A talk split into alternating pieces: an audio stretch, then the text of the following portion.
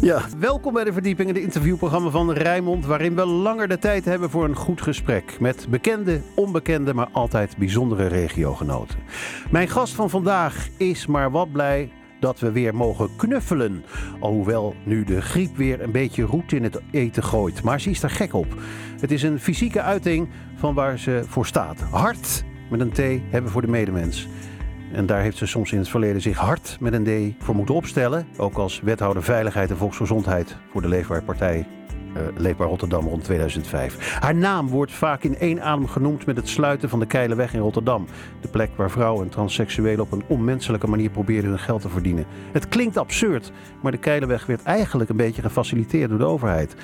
Ze heeft nog een stukje muur van die Keilenweg staan in haar tuin. Ze ziet die afscheiding nu als symbool voor de vele loketten die een gemeentelijke overheid kende en kent. En die scheidingen moeten hoognodig worden neergehaald. Dat is een van haar missies die ze nu wil voltooien in de rol van ombudsvrouw. Een functie die ze sinds maart van het afgelopen jaar bekleedt. Toen was de oorlog in Oekraïne net begonnen. Met gevolgen voor heel veel mensen, ook in onze regio. Hoe is het om ombudsvrouw te zijn in crisistijd? Waar komt het nimmer aflatende rechtvaardigheidsgevoel vandaan? En wat wil ze later eigenlijk worden? Politicus, bij de politie, presentator, beroepsknuffelaar? En waarom vindt ze Rotterdam de allermooiste rotstad van de Hermes House Band zo mooi? Ik probeer het allemaal te vragen het komend uur in de verdieping. Marianne van den Anker, welkom. Dankjewel, wat een prachtige introductie. Ja, ik kwam een beetje eh, moeizaam op gang, maar dat had met mijn technische skills te maken. Uh, uh, stond eigenlijk al lang op je lijst om wat je ooit nog wil worden? Ombudsvrouw? Nee, helemaal niet, Ruud. Ik was eerlijk gezegd ook niet bezig met het vinden van een nieuwe baan.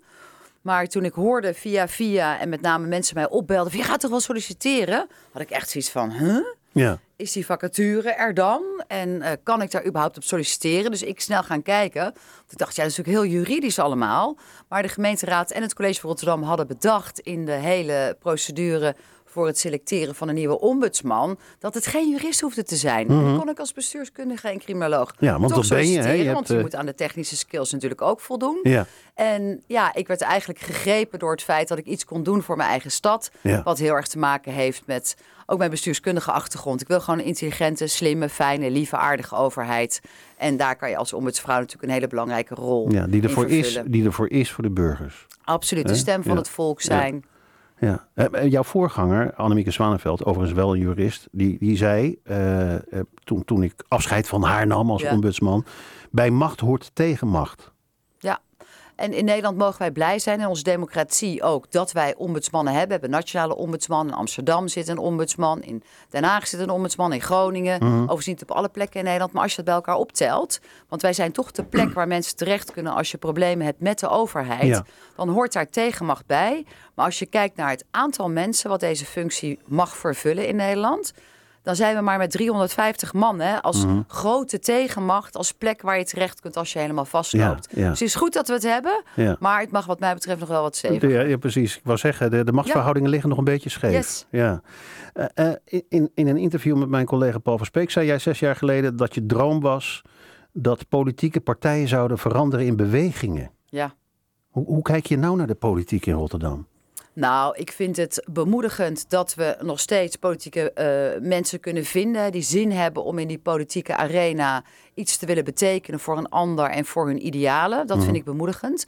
Want kom er maar eens om. Hè. Ze worden ook de hele tijd non-stop op social media met de grond gelijk gemaakt. Ze worden bedreigd. Ze doen het nooit goed. Het kost zeeën van tijd, ook in de gemeente. Jij kunt erover meepraten. Ja. Nee, ja. Um, dus dat vind ik bemoedigend. En wat ik heel erg vind, is dat we natuurlijk toch nog veel te vaak vanuit het partij politieke aan het denken zijn met elkaar. Terwijl iedereen die die politieke arena instapt, die doet dat omdat hij de wereld een stukje beter wil maken. Ja. En daarin zouden we veel meer een beweging moeten willen vormen. En zeker ook voor het speerpunt wat ik heb uh, verkozen voor de komende zes jaar. Weg van de loketten jungle en geen systeemgeweld meer. Ja, één, één loket. Eén loket, ja. ja. ja. Nou, daar wil ik het zo nog wel even met je over hebben. Want ik ben wel benieuwd naar, naar, naar dat... Naar, het is een bijzondere politieke arena nu. In, uh, volgens mij heb je dat ook, ook wel eens ooit toegejuicht. Uh, dat, dat we nu echt tegengestelde partijen hebben. De Denken Leefbaar zitten ja. bijvoorbeeld in, in dezelfde coalitie. Ja, ja, waarom ik dat nou zo mooi vind, is dat als je in de samenleving kijkt, dan hadden we vier, vijf jaar geleden, toen we analyses maakten van de partijpolitieke eh, kleuren in de verschillende wijken, mm -hmm. zag je dat Denk en Leefbaar op postbusniveau ongeveer 100% haalde bij hè, postvak 1. Mhm. En bij postvak 2 is stembus 2 volledig denk. Ja. En die mensen leefden naast elkaar. Mhm.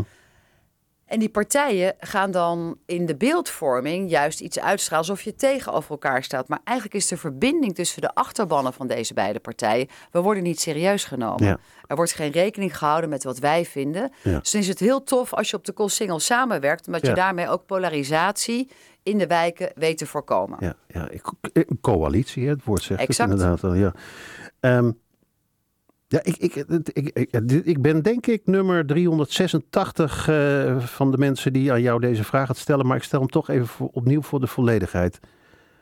Ehm, eh, tijdens je politieke carrière, maar ook nu als, als om- ombudsvrouw, eh, staat het woord gerechtigheid in dikke letters. Waar, waar komt die drang tot gerechtigheid toch in hemelsnaam vandaan? Ja, toch wel vanuit mijn opvoeding. Ik eh, ben eh, geboren en getogen eh, onder de rook van Nijmegen. Bij twee ouders die allebei in het onderwijs hebben gezeten. Ja. En ook wel zo hier en daar een klein christelijke opvoeding genoten. Waarbij ik als jong meisje ook altijd naar de kerk ging. Het was weliswaar in het katholieke Nijmegen. Mhm. Bij een Nederlands hervormde kerk die vrij liberaal en gezellig was. En ik heb daar wel heel erg meegekregen, ook vanuit de lagere school. Van zie om naar elkaar. En als er iets is wat, ja, waarvan je denkt dat dat klopt niet, sta dan ook op. En zo ben ik opgevoed, zo ben ik gekneed. En ik wil ook me daar nog steeds voor blijven uitspreken. En het betekent niet dat ik altijd zelf gelijk heb, hè? want soms zit je er ook wel eens volledig naast. Maar een basisgevoel wat ik heb, eh, is wel heel erg gebaseerd op recht en Ja, rechtvaardigheid. ja. Wanneer, wanneer zat je daarnaast? Nou, ik denk dat ik er wel eens naast heb gezeten, ook in mijn eh, politieke spectrum. eh, omdat je dan zo in een wereld wordt gezogen waarin het gaat over oppositie en coalitie, dat je geen oog meer hebt voor het verhaal van de ander. Mhm. Ik denk ook dat ik daarin wel eens heb gedacht, ja, eh, de PvdA kan wel gelijk hebben, maar ze krijgen het lekker niet van mij, want het is van de Partij van de Arbeid. Mhm. Ja, nou, ja. dat soort flauwigheid, daarvan hoop ik dat ik nu Dat heb met je van mijn je afgeschud. 52 jaar... Dat heb dat ik- Ja, dat ik dat Ja, van me probeer af te schudden. Nou ja, en soms weet je ook niet waar je goed aan doet. Hè. Dus bijvoorbeeld een heel belangrijk onderwerp is in Nederland... dat je zelf mag beslissen over je leven, voordat je het wil inkleden. Mhm. En we hadden natuurlijk het idee dat we ook toen met de Keilenweg... waar jij ook aan refereert, dat we echt iets rechtvaardigs en iets goeds deden. Namelijk dan maar een overheidsmodel creëren. Ja. Terwijl ja, hoe rechtvaardig was dat eigenlijk om vanuit de wetenschap... dat deze vrouwen zwaar verslaafd waren... dat we dat met elkaar de beste oplossing vonden. Het was Sterker nog, eigenlijk er niet was, de beste oplossing. er, was, er was zelfs gefaciliteerd dat er een GGD eh, op dat terrein Ja, eh, Het was eigenlijk zat. een, een, een overheidsbordeel. Ja, Want er, er was een, om het maar even in beleidstermen, er was een kostenplaats, er was een beleidsprogramma, er waren beleidsnota's. De politie reed er specifiek rond op bepaalde plekken van en momenten van de dag. We hadden een GGZ-instelling die volledig werd of gesubsidieerd. Hadden GGZ, een- sorry, ja, ik zeg GGD, Ja. maar GGZ. Nee, ja. GGZ-instelling. We hadden een spuitenomruil, we hadden een psychiater. En alles werd daar gereguleerd en geregeld. En het was natuurlijk een van de meest verschrikkelijke plekken... als je het hebt over recht en rechtvaardigheid. Mhm. Wat we mensen lieten doen. En eh, ja, dat, dat, dat is ook misschien wijs geworden in de tijd met elkaar... dat je dat niet meer wil. Maar wel iets waar bij mij het gevoel van rechtvaardigheid... ook wel eh, eh, enorm naar boven is gekomen. Ja. Dat we onszelf niet in slaap moeten sussen als we denken dat we een bepaalde oplossing hebben. Maar hem ook echt langs de lijn moeten leggen van... is het nou oké dat wij toestaan dat zwaar verslaafde vrouwen... daar voor 5,5 euro iemand lopen te pijpen aan het eind van de nacht. Mhm. En dat wij dan zelf denken, nou hebben we goed geregeld. Ja. ja, het is om stil van te worden, want ik bedoel, jij, jij, hebt, jij hebt, nou, ik denk wel 80 uur per week eh, je daarvoor ingezet eh, om, om, om daar een einde aan te maken. Ja. Maar dat ging niet zonder slag of stoot. Ik bedoel, je, je, moest, de, je, moest, de, ja, je moest de gemeenteraad wel omkrijgen. Het was een tijd, eh, Ruud, waarin ik op een We gegeven hebben het moment over heel erg- 2005, hè? 2005. Ongeveer. Ja, ja. Ja, er is een periode geweest, ik denk dat dat een, een, een maand of zeven, acht is geweest, waarin ik me zo eenzaam heb gevoeld dat ik dacht, ik ben echt nog de enige gek die hierin gelooft. Want Maar wat waren de argumenten dan van anderen? Want ik ja, het is makkelijk zeggen, hè, want het is met, eh, hè, met, met, met kennis van nu, maar, maar en we zitten in 2023, je kunt je bijna niet meer voorstellen, maar ah, het klinkt zo logisch, van hier moet een eind aan komen. Ja, En- maar het- ja. wat waren dan de argumenten van de anderen destijds? Nou, er waren veel mensen in de stad die zoiets hadden van... als we deze zone niet meer hebben... dan worden onze eigen kinderen straks door deze Ja, klanten gegrepen. Dus waren mensen gewoon bang voor. Ja. Uh, mijn eigen partij had op een gegeven moment zoiets, omdat ik natuurlijk had gezegd: er komen huizen voor deze vrouw. Want we gaan ze natuurlijk uh, helpen met zoveel mogelijk afkicken. Maar daar moeten ze wel een plek hebben om -hmm. te leven, om ja. hun leven weer opnieuw op te bouwen. En dat doen we niet op een industrieterrein. Nou, mijn eigen partij had zoiets van: oh, en dat wilden we. Toen hadden we nog twaalf deelgemeenten. En wilden er in elke deelgemeente één. En dan in een woonwijk. Er kwamen natuurlijk superveel protesten. Dus Leefbaar dacht: oh, dat gaat straks helemaal verkeerd met onze achterban. Dan hadden we uh, toch vanuit mijn kant dat ik vond dat we enige dwang moesten toepassen bij deze vrouwen zelf. Om ze daadwerkelijk ook van die verslaving zoveel mogelijk af te brengen. Dus dat ze van mij niet mochten kiezen dat ze dit leven verkozen. Want dat was op een gegeven moment met Carrie en met Nora wel echt. Die stonden lijnrecht tegenover mij. Die zeiden, ja, die vrouwen willen dat niet. Toen zei ik tegen hen, ja, maar ik heb zelf een dochter. Uh, je wilt toch niet als droom, als meisje later hoer worden die verslaafd rondloopt? Dat kan toch niet een werelddroom zijn van je? Maar die stonden toch lijnrecht tegenover mij, want die zeiden die vrouwen willen dat wel. En ik zei het kan niet zo zijn dat je dit wil. Dus die stonden ook tegenover mij. Dan hadden we nog, um, nou toch ook wel veel mensen binnen de professionele wereld die het een hele uh, uh, slechte gedachte vonden dat wij met één GGZ samenwerkten. Uh -huh. En die zeiden op een gegeven moment van, jullie geven nu geld aan een instelling om deze vrouwen te helpen. Niet alleen met beter onderdak, maar ook beter voor zichzelf zorgen. Zorgen dat ze ook uit de handen van die verschrikkelijke oompjes zouden -huh. blijven. Maar dat geld gaven wij aan één GGZ-partij. En toen gingen al die andere GGZ-partijen weer roepen dat deze mensen het niet goed deden. Oh, het was echt op een gegeven moment verschrikkelijk. En wat ik merkte was dat de oppositie ook heel graag wilde dat ik zou struikelen over dit dossier. Er werd elke week wel een actief debat aangevraagd. Ik op een gegeven moment dacht, oh, wie gelooft hier nou nog in? Ik zei maar de gek het, en nog een paar andere want, mensen. Het is een beetje onsmakelijk. Hè? Dat dus door, je gaf het net al aan, hè? Dat, dat, dat, dat vroeger politiek bedrijven misschien zoiets was van... oké, okay, het is misschien een goed idee van de oppositiepartij... maar ik ga daar niet in mee, want het is de oppositiepartij. Dat ja. is jou ook overkomen. Ja, ja. Hè? Van de Anker heeft een goed ja. idee, maar we gaan, we gaan het toch proberen te laten struikelen dan. Ja, ja. ja dat is denk ik ook... Dus heel uh, vies is dat. Het is heel vies en het is ook een beetje eigen geworden aan de politiek. Omdat we natuurlijk maar één keer in de vier jaar stemmen. Mm -hmm. ja. En voor de rest zijn er heel weinig mensen in Nederland. Het geldt ook natuurlijk in Rotterdam. überhaupt lid van een politieke partij. Veel mensen gaan aan het eind van de rit van zo'n regeerperiode... of het nou landelijk is of lokaal. Dan komen straks provinciale verkiezingen aan. Dan hebben mensen al überhaupt geen idee op wie ze moeten stemmen. Wordt het heel erg opgevoerd naarmate we richting de verkiezingsdatum gaan... En dan gaan we ook allemaal in debatvorm gaan we uh, horen wat die politiek leiders ervan vinden. Ja, en daarna gaan we tellen in meerderheden. ja, ja. En in plaats van dat je iets zou willen, hè, dat politici en bestuurlijke leiders aangeven... we willen samen een aantal dingen echt verbeteren in het land... En we willen ook samen een aantal kansen beetpakken. Want dat mis ik ook zo bij de politiek. Het gaat maar over problemen, problemen, problemen. En nooit over de kansen. Of dat we een aantal hele mooie dingen het afgelopen uh, bestuursjaar hebben gedaan. Uh, en, en, en die willen we tot gemeengoed verheffen. Het gaat nooit over kansen en wat ons sterk maakt en wat ons bindt. Ja, maar wat, wat, wat jij net aangeeft. Hè, eh, politici schieten altijd inderdaad in actie als de verkiezingen eraan komen. En dan worden ja. we doodgegooid met spotjes. En dan, uh, dan gaan alle regionale omroepen. En uh, ik heb er zelf ook aan meegedaan. En de lokale omroepen die gaan meedoen met verkiezingsdebatten. En dan mogen ze in uh, drie minuutjes mogen ze iets gaan vertellen en zo. Um, maar eigenlijk moet je gewoon ook zichtbaar zijn in die periode ertussen. Ja. In plaats ja. van dat we ons massaal storten op, op kieskompasjes. Nou, maar dat is natuurlijk ook een soort perverse prikkel. Hè? Want dat, dat, omdat het allemaal zo ingewikkeld is geworden, is het kieskompas ontwikkeld. En ja. in het kieskompas zitten een aantal vragen. En die politieke partijen gaan zich verhouden naar het aantal vragen. Ja, ja. En die kiezen daarbij dan in hun verkiezingsprogramma extreme standpunten. Omdat ze dan hopen dat mensen via het kieskompas eruit komen. Dus we zijn met elkaar wat dat betreft wel een beetje ver afgeweken van waar de democratie, hè, de stem van het volk voor ons allen, ooit voor bedoeld is. En dat is namelijk gewoon dat je met elkaar best van mening mag verschillen. Dat is interessant, dat maakt het ook spannend, want niet iedereen wil hetzelfde. Maar tegelijkertijd moet je overstijgen dat elkaar altijd in verbinding komen, want dan krijg je kracht. De Rotterdamse politiek luistert misschien mee, wie zal het zeggen? Je loopt al een tijdje mee in de maatschappelijke arena. Hoe kijk jij naar hoe de maatschappij zich um, heeft ontwikkeld? Nou, met de Want je had het net, je had het net over, over ja. uh, samen tot een ja. oplossing komen in plaats van die polarisatie. Maar ja. het lijkt wel alsof de polarisatie verviervoudigd is. Ja, dat klopt. De polarisatie is toegenomen. en dat zie je natuurlijk op allerlei statistieken ook bevestigd. Dus niemand kan meer zeggen dat het niet zo is. Nee. eh, dan hoor je het natuurlijk gewoon als je met z'n allen eh, je een beetje verdiept in wat speelt er bij de mensen in de verschillende wijken in Rotterdam en daarbuiten. Want ik ben natuurlijk ook ombudsman voor een aantal regiogemeenten. En het is niet alleen arm en rijk en hoog opgeleid en laag opgeleid, maar ook de mensen die een huurhuis hebben en de mensen die een koopwoning zich kunnen, uh, zich kunnen veroorloven.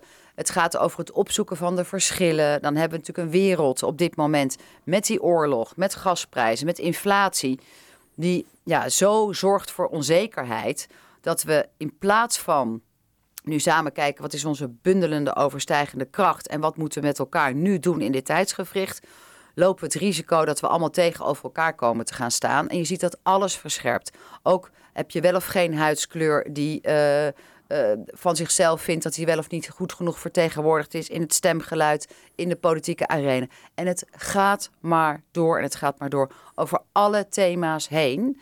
En als we niet oppassen, dan zijn we bezig om elkaar veel meer ja, kracht te ontnemen. Terwijl je zelf denkt dat je, omdat je opkomt voor een bepaald thema of voor een bepaald belang dat je denkt, daar maak ik mezelf sterker mee en ook mijn achterban, ben je juist bezig om te versnipperen en te polariseren. En dat hebben we juist nu net niet nodig. Hier spreekt een politicus, maar ook een maatschappelijk betrokkene. Ehm, maar dit, dit geluid hoor je natuurlijk nu ook als ombudsvrouw. Ja, dat hoor je zeker. Um, zeker nu. Ja, en, en een van die thema's die wij bijvoorbeeld ook, um, waar, wij, waar wij het best wel moeilijk mee hebben als ombudsman, is dat veel mensen aan ons toe komen uh, omdat ze geen woning hebben.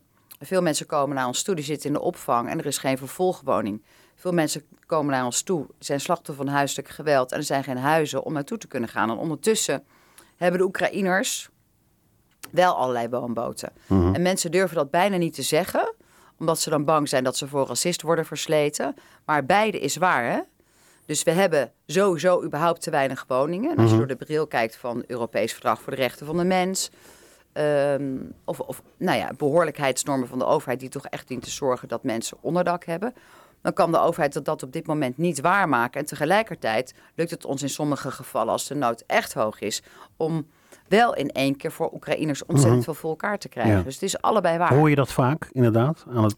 Nou, wat we veel horen is dat met name uh, mensen dat ook niet durven te zeggen. Ze komen het dan bij de bureau ombudsman wel melden, maar alles in bijzinnen. Mm -hmm. Datzelfde geldt voor uh, dat mensen die bij ons komen ook echt vaak zeggen van ja, weet je, ik vind het heel erg voor mezelf, maar ik durf het ook bijna niet op te nemen voor mezelf, omdat er nog zoveel andere mensen zijn die ook in de penarie zitten. En het is allebei waar, want die mensen moeten ook opkomen voor zichzelf. Maar het is ook zo dat er heel veel andere mensen nog erger in de penarie ja. zitten. Nou ja, goed. Het hoeft niet of te zijn, het kan en zijn. Het is en en, ja. ja. En ik denk dat we uh, zeker ook met uh, het thema wat wij hebben gekozen, namelijk die loketten jungle. Ja. Dat Weg we daar, met de loketten jungle, hè? Ja, dat we daar echt wel zien dat daar het grootste leed is. Hè. Dus ja. mensen worden van het kastje naar de muur ja. gestuurd. Ja. En allerlei mensen, ook beleidsmakers, mensen in de uitvoering, doen het allemaal met de beste intenties. We hebben met elkaar zo'n ingewikkeld, complex web georganiseerd. Soms bijna, zou ik willen zeggen, een organisme, een soort Pac-Man. Het vreet om zich heen en voor alles is een regel. Voor alles is een slagboom of je wel of niet in aanmerking komt voor bijzondere bijstand. Of je wel of niet recht hebt op huursubsidie. Of je wel of niet recht hebt op schuldhulpverlening. Of je wel of niet recht hebt op, nou, noem het maar. En voor alles is een formulier. En voor alles is een clubje. En voor alles is een organisatie. En voor alles is een wet. En voor alles is een regel. En ondertussen willen we die menselijke maat, hè, de maat van de mens centraal stellen. Nou, en die puzzel, dat vind ik ontzettend leuk om ja. daarin vast te bijten. Ja, leuk. Je zegt ook, uh, ik ga tot de hoogste boom om te helpen. Ja. Uh, uh, maar wat nou als het in jouw oog te weinig effect sorteert? Of dat het te lang duurt en dat je weer uit die hoogste boom klettert? Ja, toch maar blijven klimmen en proberen. Dan misschien een keer een ander boompje proberen. En ja. soms misschien een beetje nee, maar, wat nee, meer je, geduld hebben. Nee, want je kan ongeduldig zijn. Want ik, ik, ik, ik neem even in herinnering jouw guerrilla-actie, noem ik het maar even. Met ja. het plaatsen van een invalide ja. verkeersbord in IJsselmonde. Dat heeft natuurlijk de media gehaald. Want jij kon het niet, moet ik even uitleggen. Jij kon het niet langer aanzien hoe een hoogbejaard echtpaar uit IJsselmonde maar moest wachten op een invalide plek en je besloot zelf in te grijpen. Ja, nou, zij werden van het kastje aan de muur gestuurd. Ja. Het is, we tikken aan uh, vorig jaar april. Mm -hmm. En toen hebben deze mensen... In de negentig, hè, zijn ze? Ja, in de negentig. Ja. En toen heeft zijn schoonzoon geprobeerd om een invalide plek aan te vragen voor deze. zijn eerst naar de gemeente geweest. De gemeente zei, wij zijn er niet van. Je moet bij de woningcorporatie zijn. De woningcorporatie zei, wij zijn er niet van. Je moet bij de vereniging van eigenaren zijn. En van het kastje naar de muur en weer terug. Nou, toen zei ze op een gegeven moment bij de ombudsman gekomen van, hier worden we knet, knotsknetter gek van. Ik zeg, ik word hier ook knotsknetter gek van. Je hebt je Dit laars aangetrokken. niet. Ik heb mijn laars aangetrokken. Ik heb een bord geregeld. Ja. Heb het daar in de eh, eh, berm neergezet. Ja. En volgens er een briefje overheen geplakt. En de ontknoping, dat is nog wel grappig, Ruud. Eh, want ik was als laatste geïnformeerd en ik kon het me al bijna niet voorstellen dat de Vereniging van Eigenaar erover zou gaan. Want het is gewoon een openbare plek. ja. Ik kon het me haast niet voorstellen. Maar mij was verzekerd door alle juristen, zowel van het stadhuis van de corporatie. Nee, wij gaan er echt niet over. De Vereniging van Eigenaren gaat erover. Nou, Van het complex waar zij wonen. Ja. ja. die mensen heb ik toen ook, moment dat ik die paal aan de grond heb eh, gestampt, ook nog gesproken. Die waren des duivels. Die wisten eigenlijk ook niet dat ze er zelf over gingen. Maar die zeiden, als wij erover gaan, halen we nu ook alle invalide borden weg? Want dan gaan wij erover en dan zullen wij zelf eens even besluiten hoe, wie hier allemaal bij dit complex recht heeft wat ons betreft op Ja. een invalide parkeerplek. Toen heb ik de wethouder weer gebeld van, volgens mij moet je toch nog eens kijken of je er niet toch zelf van bent. Hè? Want dat was mijn eerste aanname, dat je er Mhm. Maar gewoon van bent. Eigenlijk word jij, eh, ervaar je dan op dat moment eh, al die loketjes. Je komt bij het loketje zelf, van de. VVE en je Ja, komt bij het loketje van en wie gaat daarover. En, Exact. En nu, nu eh, sta jij nog stevig in je schoenen, maar je zal maar gewoon eh, helemaal eh, aan het einde van je Latijn zijn. En, Exact. en dan, ja. Exact. Nee, En want, dat- want even, de dus update is, je had nog een sticker erop geplakt. Ja, met, ik had een sticker ik ga ervan uit dat dit... Ja, dat dit goed gaat komen. Ja. Nou, toen is er vervolgens vergaderd. ook op het stadhuis. Er is een spoedberaad geweest. Ik heb nog een appje gestuurd naar de desbetreffende wethouder Vincent Karremans. En wat bleek toen? Twee verschillende afdelingen bij de gemeente denken er verschillend over. De ene afdeling zegt: wij vinden dat we er wel van moeten zijn vanuit de gemeente. Namelijk dat wij erover gaan, ook vanuit de WMO-gedachte, wie er een invalide plek eh, krijgt. En het is openbaar gebied. En een andere deel van de gemeente zeiden we gaan er niet over. Dus juristen tegenover juristen. En uiteindelijk komt het nu aan op het leiderschap, waarbij ik ervan uitga dat de gemeente straks in deze casus gaat zeggen: ik zet hem in de grond, Ja. stevig vast. En dat gaat dan uit hoofden van de gemeente Rotterdam. Ja. Eindgoed, al goed, maar precies wat jij zegt, Ruud. Want veel mensen die nu bij de Ja, want bureau... jij zegt e- eind goed al goed, maar ik begreep dat die, die- dat bord weer weggehaald was door de... Ja, de bord is weer weggehaald door de Vereniging van Eigenaren. Ja. Want die hadden zoiets van, nou, wij gaan erover, dan Ja. halen we eerst alles weg. En dan moet iedereen bij ons een verzoek indienen. Moet je voorstellen dat een Vereniging van Eigenaren straks op een openbaar terrein gaat over wie er wel of niet een invalide parkeerplek moet krijgen. Mhm. Nou, dan zijn we echt gek geworden met z'n allen. Hè, dat dat in een parkeergarage zo is, waar je met z'n allen hè, in een groot pand daaronder maar een x aantal parkeerplekken hebt, weet je prima. Dat je daar afspraken over maakt met elkaar. Maar dit is gewoon openbaar gebied. Eh, ik denk wel eind goed, al goed. En dat de gemeente uiteindelijk door het Ja. stof zal moeten gaan en zal moeten zeggen: We hebben de aanvraag in eerste instantie afgewezen. omdat wij dachten dat we er niet van waren. Maar we zijn er wel van. En deze mensen krijgen gewoon Ja. een invalide parkeerplek. Ja. Is het, is, het, is het niet heel erg moeilijk om die strijd aan te gaan? Eh, Ik bedoel, eh, eh, die, die, die molens die draaien heel erg langzaam. Mm. Ik bedoel, Mm. we zijn nu nou, de kleine 20 minuten bezig. Ik hoor, ik heb al meer passie over me heen gekregen dan de afgelopen week. Dus ik bedoel, Ja, ik zit er zo ongelooflijk gedreven in. ja, Omdat ik denk dat het tijdsgevricht waarin we nu leven er echt voor gaat zorgen dat we als stad, als samenleving niet langer pikken dat de overheid ons opknipt. Dat de overheid mensen van het kastje naar de muur stuurt. Dat de overheid elke keer maar kan zeggen: Ik ben er niet van, u moet bij een ander zijn. Dat vind ik niet alleen, dat vindt ook de politiek zelf. Ja. Dus ik ben bemoedigd, omdat ook het college heeft gezegd: wij gaan met die lokettenjungle aan de slag. heeft de crisis niet de boel in versnelling gebracht?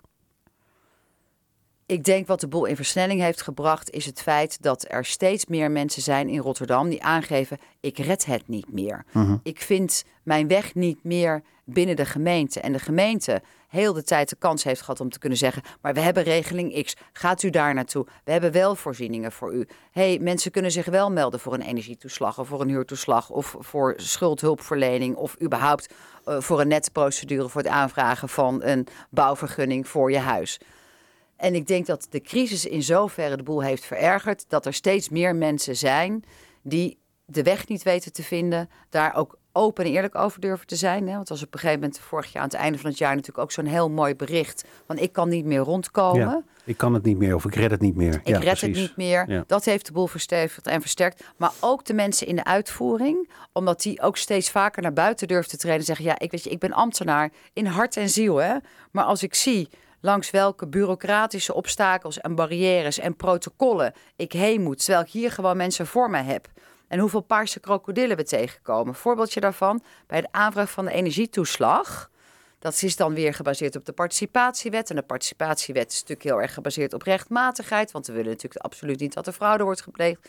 Dus de participatiewet schrijft voor dat als je een aanvraag doet, moet dat met een paspoort. En dan komen er oudere mensen aan bij het gemeenteloket. En die willen een energietoeslag aanvragen. En die hebben alleen nog maar een rijbewijs. Want die hebben ooit besloten, we gaan toch geen verre reizen meer maken. Maar we kunnen nog wel auto rijden. En dan wordt er letterlijk tegen die mensen gezegd: dit is niet een geldig identificatiemiddel om een energietoeslag aan te vragen. En vervolgens zei het systeem ook nog: en de luisteraars moeten maar een beetje meelachen, want ik denk ook dat we de humor erin moeten gaan brengen het komend jaar. Weet u wat u moet doen? Want wij kunnen geen uitzondering maken. Hè? Wij moeten handelen langs de lijnen van de wet. U kunt wel een Rotterdampas aanvragen. Met die Rotterdampas kunt u goedkoper foto's laten maken. En zo kunt u op een voordelige manier aan de Rotterdampas komen. En dan kunt u toch aan dat paspoort komen. Nou ja, dan hoor je het al. Dan moeten mensen nog steeds kosten maken. En bovendien duurt het allemaal vrij lang voordat je dit hele proces doorlopen Ja. hebt. Terwijl je ook kan denken, deze mensen staan voor onze neus. We gaan muziek draaien. Je hebt muziek meegenomen van eh, de Average, Average White Band. Je krijgt ook een hoesbui nu, dus we gaan, we gaan hem gauw draaien. En ik vraag zo meteen als je uitgehoest bent, waarom deze plaat?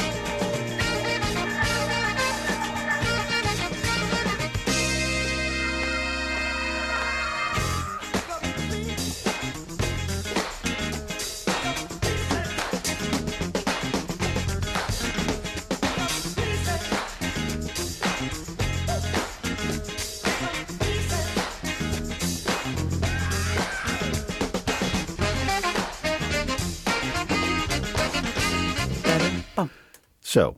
Nou, nog net niet op de desk hier.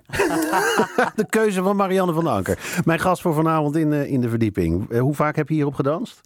Eindeloos. En, en waar? Elke keer. Ja, op de bar, onder de bar, tussen de bar. welke, welke, welk etablissement, Marianne? nou ja, in disco's, op een ja. studentenvereniging, thuis. Ja. Het is echt, echt als ik er ook op kantoor. Ja. We hebben een soort uh, ombuds uh, muziek. Een ombuds Spotify gemaakt. heb je gemaakt. Oké. Okay. Daar staat deze ook op. Ja. Hier word je vrolijk van. Echt altijd energiegevend, ja. deze ja. muziek. En, en, en uh, volgens mij krijg je ook energie omdat je nu weer in een radiostudio zit. Ja. Ik, of tenminste, tegenwoordig moeten we zeggen audiostudio. En naast de radio kun je natuurlijk ook naar een podcast luisteren. Je hebt een radiohart, heb je al eerder een keer gezegd. Wat, wat trek je dan zo aan? In ja, de radio. Het is, kijk eens, we, bereiken hier allerlei mensen. We zitten hier in een studio. Ik ben altijd weer enthousiast over de techniek, dat het gewoon kan. Ja. En dan vind ik het ook nog ja, lekker ongedwongen. Het is live. Het is Mhm. gewoon meteen voor de vuist weg. Je kunt elkaar aankijken. Ik hoef geen make-up op. Nee. Want in zo'n televisieuitzending Allemaal ik ook gedoe. wel eens allemaal, Allemaal En camera's en Ja, precies. kijken. En presentatoren hebben ook allemaal van die, van die autocues... Ja, waarbij ze van alles ja. nog wat moeten oplezen. Ja. Hoop gedoe. Ja. En radio is gewoon, Gewoon lekker lullen. makkelijk, snel. Ja. En ik vind het ook heel persoonlijk. Ja. Ja, want want uh, uh, ja, je, je, je hebt een radiocarrière. Je hebt één op straat gedaan, hè? Ja, Uh, voor, kwesties, uh, ja. en, en kwesties, debatprogramma. En je, hè, dus je, je reed rond ook in de, in de bus. In de grote gele bus. En dan ging je, je nou ja, eigenlijk zeker, zeker in, in, in, nu doen meer omroepen, het, maar zeker destijds was dat wel voor Hilversumse begrippen vrij uniek. Het was heel Dat uniek. ze uit ja. de Ivoren Toren Ja. Op het Mediapark gewoon Ja. zomaar in de straat stonden van waar het gebeurt. Exact. En dat we ook nog zonder script weggingen. Hè? Dus Mhm. dat was ook heel Je bijzonder. deed samen met Rob Oudkerk, hè? Ja, Ja. ja. Rob Oudkerk en ik hebben eh, om en om gepresenteerd. En dan gingen we echt elke dag op pad. Ja, Het was fantastisch. ja. En ook daar naartoe gaan waar het is. Zodat je kunt voelen, ruiken en proeven. Mhm. En ook gewoon vanuit dat Hilversumse. Nou, we gingen naar Groningen, we gingen naar Maastricht. We gingen daar waar windmolens werden geplaatst. Daar waar Ja. mensen een asielzoekerscentrum kregen. Daar waar mensen vanuit een woningbouwcorporatie hun huis niet mochten kopen. We gingen naar plekken waar eh, begraafplaatsen werden ondergeklad. We gingen naar jeugdzorginstellingen waar jongeren werden opgesloten. Alles, alles, alles pakten we op en aan. Ja. En zonder script. Dus we Ja. reden naartoe en we gingen luisteren. Mhm. En ik had als enige één A4'tje met dat wij wisten wat het onderwerp was, wat de Mhm. belangrijkste thema's waren, waar eventueel wrijving zou kunnen zitten en een paar namen van gasten die Ja. we dan op weg daar naartoe hadden gebeld. ja. En daar deden we het mee. Praten met mensen in plaats van over luisteren. mensen, wat je nu in al die talkshows ziet gebeuren. Ja. Ja. En dan heb je zo'n talkshow, dan heb je kwartiertje blokje Ja. 1, kwartiertje blokje ja, 2. ja. En je zit ja, eigenlijk niet meer naar een gesprek te luisteren van mensen. Want het is allemaal, ook door zo'n redactie, allemaal van tevoren helemaal uitgekoud. En als er dan een chique minister of iemand anders langskomt... er zijn er vijf woordvoerders die langs zijn gekomen. Ik bedoel, jij mag mij alles vragen, vraag Mhm. maar. Ja, dat doe ik. Ja, nee, maar er is hier geen woordvoeringslijn, Nee, er zit hier nee. niks tussen...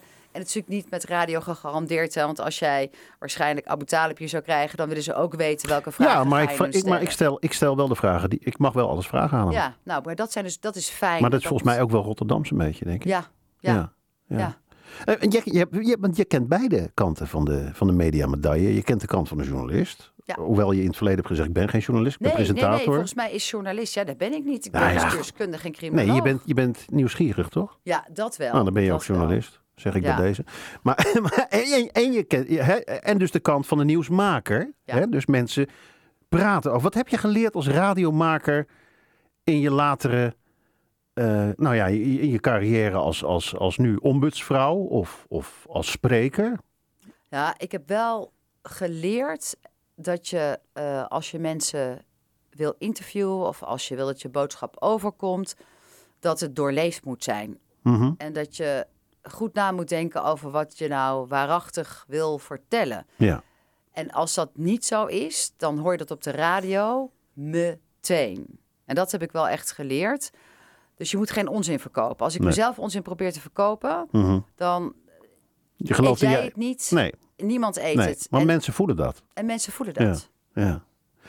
En, en je bent, eh, ja, je bent eh, ook een aantal keer te gast geweest in eh, Goedemorgen Nederland eh, van WNL. Ja. Ehm, daar heb ik het idee dat je daar wel enigszins de ruimte krijgt om te zeggen wat je wil zeggen.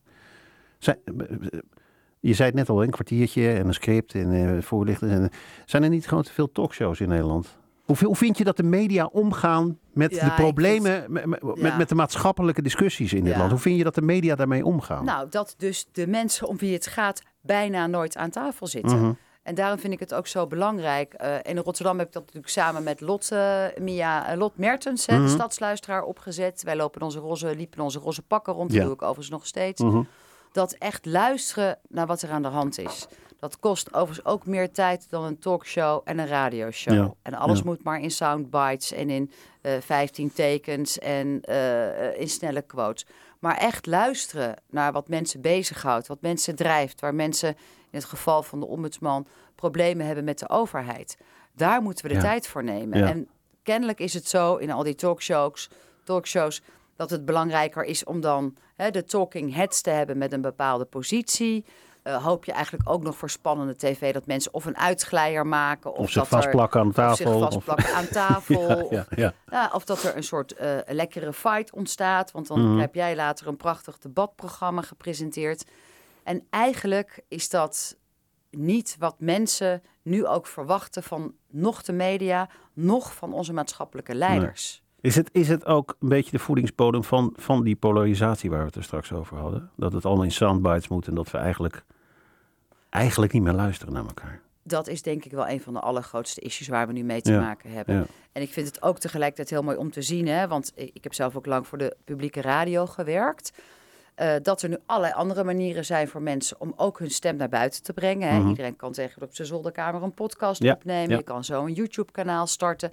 Daardoor zijn er ook heel veel mensen groot geworden. En ik vind het dus super dat die geluiden er zijn. Maar in de niche zie je natuurlijk ook dat daar weer allerlei mensen bij elkaar komen en klitten.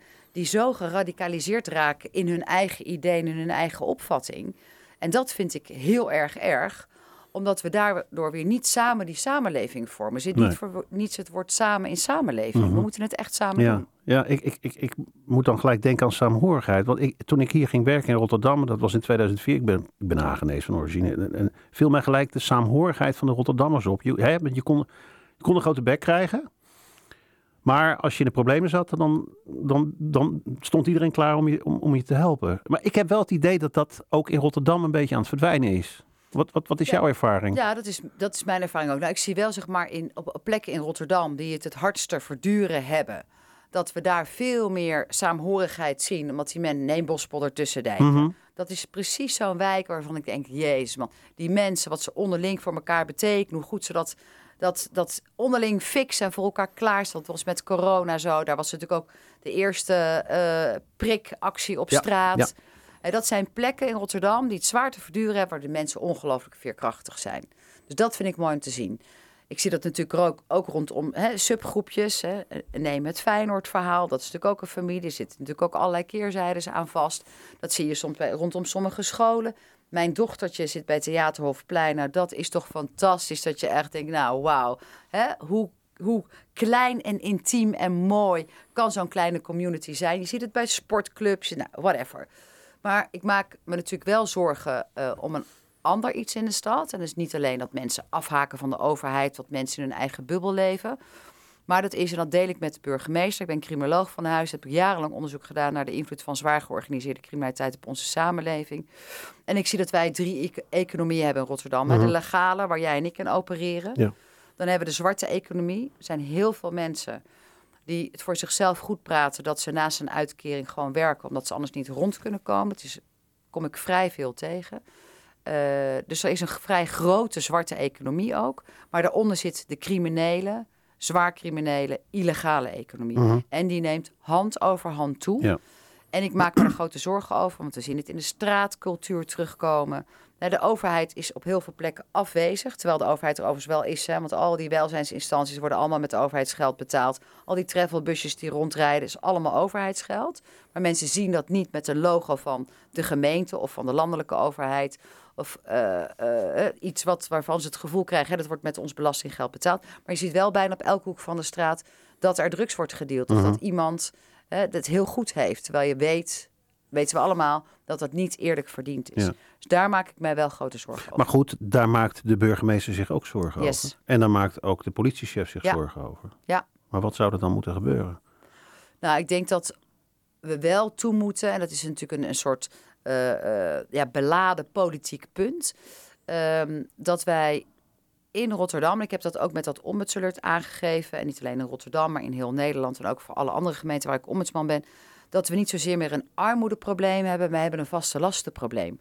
Het is gewoon zo duur geworden voor iedereen. Dat je, je komt gewoon niet meer uit. Op een gegeven moment kan iemand nog wel zeggen: Ja, weet je, dan moet je stoppen met roken. Of dan moet je je hond de deur uitdoen. Of dan moet je alleen nog maar tomatenpuree eten. Maar op een gegeven moment komt het niet meer uit. En dat punt bereiken nu niet alleen de mensen die in een uitkeringssituatie zitten, maar ook de mensen die ZZP'er zijn, de mensen met een klein AOW'tje. En dat vaste lastenprobleem, dat zorgt ervoor dat het heel aantrekkelijk is voor criminelen om mensen voor zich te winnen. En heel veel jongeren vallen voor die verleiding, want die denken: mijn moeder loopt te ploeteren. Mhm. Dus ik doe dat eventjes. En voor je het weet kom je er nooit meer uit uit dat web. Uh, maar ook mensen die echt nog verdere stappen maken, omdat het gewoon niet meer lukt om rond te komen.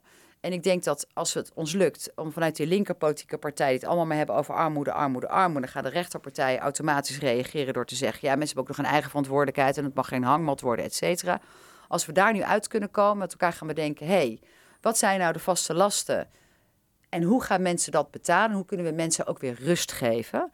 Want dan zul je ook zien dat mensen denken: Nou, het is dus leuk om leraar te worden. Het is leuk om politieagent te worden. En nu, als ik de jongeren om me heen hoor, die denken allemaal: Ja, daarmee kan ik niet eens straks maar normaal fatsoenlijk mijn boterham verdienen.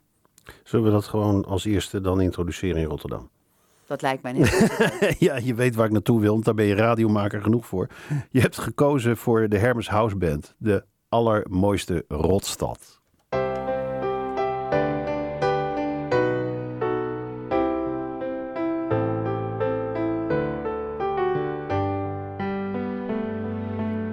Laat me je de stad tonen waarvan ik ben gaan houden.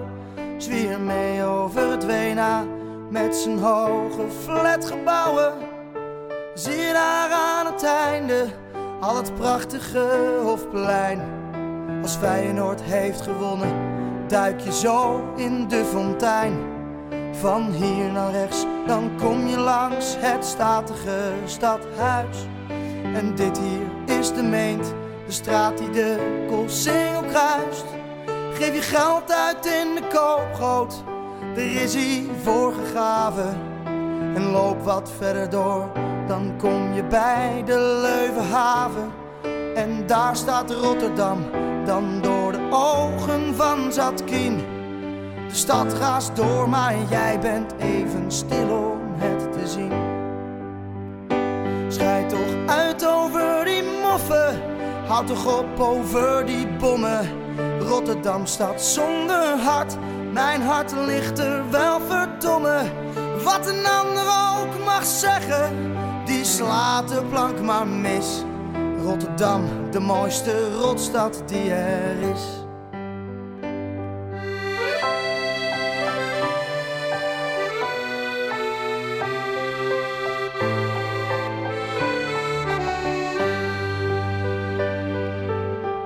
Daar de Willemsbrug, daar verder op de Zwaan. De twee gevaartes kijken ons vanuit de hoogte aan. Altijd vol zijn de terrassen die bij de oude haven horen.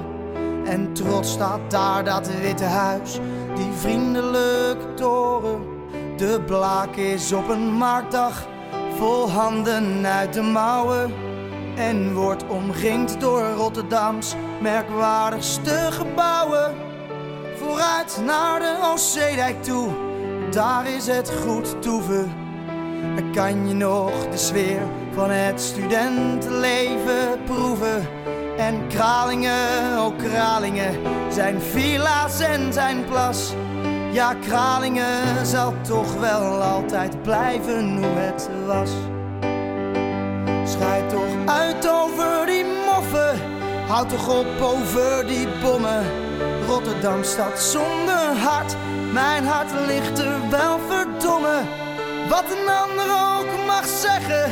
Die slaat de plank maar mis. Rotterdam, de mooiste rotstad die er is.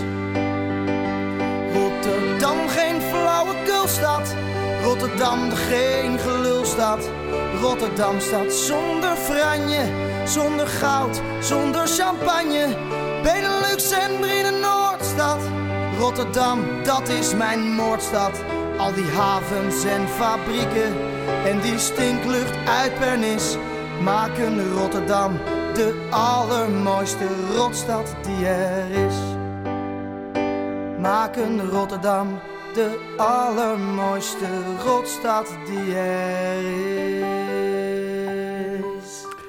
Letterlijk. De songtekst helemaal uit je hoofd meegeblerd. Vind ik knap van je. Ja, het is een rotstad, maar wel mijn rotstad. Absoluut. Dat is het een beetje. Dat hè? is het, ja. Ja, en wat iedereen er ook van mag zeggen. eh, ja, dit geeft zo'n bindend, krachtig Mhm. gevoel. ja. Want ondanks dat het natuurlijk allemaal helemaal nog niet oké is. En dat we die historie hebben met die Tweede Wereldoorlog. Het is wel onze rotstad. Mhm. Ja, ja. En daar maak jij nu, nou ja, dat, maakt u je al een heel belangrijk onderdeel van uit, maar nu in de rol als, eh, als eh, ombudsman. ja. Vrouw. Ja, we zeggen omdat het een internationaal erkende titel is. Hè. Je hebt ook een Indonesische ombudsman en een Mhm. Poolse ombudsman, een Europese ombudsman. Dat is handig voor buiten. Ja. maar als ik natuurlijk in Rotterdam Zuid nu aan het vertellen ben, ik ben de ombudsman, of ik ben in Voorne aan Zee of in Capelle. En mensen weten helemaal niet eens dat er een ombudsman is. En dan zeg ik, weet u wel dat er een ombudsman is? Mhm. Ja, u ja. enig idee wat een ombudsman doet? En dan zeg ik, nou, ik ben het zelf. Dan kijken mensen me echt zo aan. zeggen, Ombudsman, ombudsman, u bent toch een vrouw? Dus ja, het is toch veel makkelijker om te zeggen... ik ben de ombudsvrouw van het instituut de ombudsman. Hoe kijken mensen naar jou, denk je? Eh, in mijn rol als ombudsman Nou, of gewoon überhaupt? Als, als eh, Marianne van Anker. Nou, ik denk, joh, eh, niet een, een ingewikkelde vrouw, gezellig, ook nog wel een tikkeltje slim en voor de duivel niet bang. En kan je leuk zaken mee doen. Ja. Dat denk ik. Ja. ja, het is geen pitch hoor, maak je geen Nee, zorgen. zoiets denk ik. Maar wie geeft jou ongevraagd advies? Nou, dat doen mijn eh, eh, hele lieve collega's. Dus dat is echt super fijn. Ik ben in een team natuurlijk terechtgekomen wat er al in een belangrijke mate was. En ik heb ook aan hen gevraagd van ja, help me alsjeblieft. Want ik moet natuurlijk eh, me ook hierin bekwamen. Hè, van wat zijn dan al die behoorlijkheidsvereisten waar een overheid aan moet voldoen? En hoe gaan we er dan het beste mee om? Ik heb natuurlijk ook niet altijd je- alle juridische kennis. Dus ik word heel erg geholpen door de mensen van het bureau. Het is echt ontzettend warm, fijn nest. Dan heb ik natuurlijk nog heel veel fantastische vrienden en vriendinnen. Die ook af en toe tegen mij zeggen: even van de anker op de rem gaan staan. Of Nou, in welke zin dan? nou, ik kan soms eh, geen maat houden. dus als ik ergens eh, super boos over ben, dan ben ik echt super boos. Als ik ergens super enthousiast over ben, ben ik super enthousiast. En daarin ben ik ook nog een tikkeltje ongedurig. Dus die mensen helpen me wel om te zeggen: eh, je bent bezig met een goed doel. Ik wil natuurlijk dat graag vanuit verbinding doen. Dus niet tegenover mensen staan, maar het met mensen doen. En met de overheid. En met de overheid, ja, Ja. nadrukkelijk met de mensen vanuit de gemeente. Dus de samenwerking die we nu hebben met de mensen vanuit het college, de mensen vanuit de raad, ook de mensen die eh top beleidsambtenaar zijn, maar ook de mensen in de uitvoering en de bewoners zelf.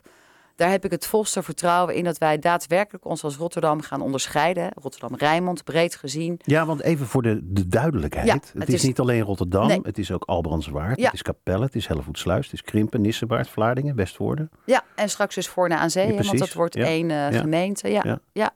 ja. Dat is allemaal dus niet weer echt helemaal Rijnmond-Rijnmond. Maar Mhm. hè, we noemen ons wel binnenkort ombudsman Rotterdam-Rijnmond. Want ik vind het ook te beperkt om het ombudsman Rotterdam te noemen. Want daar Mhm. heb je elke keer door de neiging dat mensen denken... ze is alleen maar van Rotterdam. Dat Ja. is niet zo. Maar de mensen die me op de been houden... dat zijn ook de mensen die elke keer weer samen met mij op reis willen voor dat grotere doel. Ik merk dat ik heel erg op zoek ben ook naar die mensen die plakken ik ook aan mezelf vast en die plakken zich aan mij vast. En zo heb je Gaat- elkaar ook nodig, want het is wel een pittige strijd waar we mee bezig zijn. Hè? Ja. Die lokettenjungle beslechten, die menselijke maat erin brengen, En, decomplexificeren. Het is echt nog niet zo makkelijk. en niet vanuit het kantoor, heb ik begrepen. Want je, het kantoor van de ombudsman zit aan de Meent. Maar Ja. je, je hebt een filiaal geopend Ja. op Zuid. Op Zuid, Strevelsweg 690. Maar er en moet, vanaf... er moet er nog veel meer komen, toch? Ja, en we hebben. Ja, ik werk ook heel goed samen met de ombudsman van Amsterdam. Dat is Mhm. Monish Ramlal. Hij woont overigens in Rotterdam. Ja, soms denk ik echt, eh, dat zou ik als Amsterdam nooit hebben gedaan. Ja, maar het is een kanjer van je wel. Ze is een super gave gast. Eh, en wij werken veel samen. En hij heeft eh, weer dingen van mij overgenomen, zoals dat Ombuds Alert. Dat is natuurlijk een nieuw product. Eh, en hij heeft de ambulance die al rondrijdt. Ambulance. De ambulance. Uw Ja. eerste hulp bij juridische problemen met de Ja. overheid. Ja. Nou, die van ons wordt op dit moment met straks een nieuw logo gebouwd en gemaakt. En dan zijn wij te vinden op markten en dan gaan we er gewoon op uit. Want wat ik niet wil, is dat wij als eh, ombudsman, ik als ombudsman, over twee jaar bij jou zit, Ruud. En dat ik alleen maar kan vertellen over de klachten die naar ons toe zijn gekomen. Want het is nogal een stap, hè? Dan moet je een klacht indienen, je moet ons weten te vinden, je moet het maar durven, je moet daar ook maar vertrouwen in hebben. Dus we kunnen veel beter ook naar de mensen toe gaan en daar de verhalen ophalen. Het is vertrouwen winnen dus ook van mensen. Ja, want ik denk dat heel veel mensen, waar we het net over hadden, polarisatie en in verschillende bubbels en groepen leven. Er zijn echt mensen afgehaakt van de overheid. Die hebben zo weinig vertrouwen. En dat zijn ook de mensen die elkaar onderling vertellen: nee, als je problemen hebt met het opvoeden van je kinderen, moet je echt niet naar zo'n wijkteam gaan, want ze pakken je kinderen van je af. Het is niet waar. Dat zijn ook de mensen die onderling vertellen: als je een energietoeslag aanvraagt, moet je hem terugbetalen. Het is niet waar. En die mensen zijn zo afgehaakt. En dat wil ik niet. Ik wil dat die mensen ook weer trots zijn op wat wij met elkaar als overheid hebben opgebouwd. Want we betalen ook behoorlijke slok belastinggeld. Daar kunnen we goede dingen voor doen. Ik denk straks nog veel betere dingen als die ene loketgedachte erin komt. Als de menselijke maat normaal wordt. Als er beter wordt geluisterd. Maar die mensen die nu zijn afgehaakt, die moeten we heel snel weer binden op het saamhorigheidsgevoel. Op het feit dat we een samenleving zijn en één community. Sprak Marianne van der Anker, mijn gast in de verdieping, die voorlopig nog in de hoogste boom blijft zitten om iedereen gelijkwaardig te behandelen en te helpen. Met een nieuw loket op Zuid en er komen er nog veel meer. Dankjewel voor je komst. Dankjewel.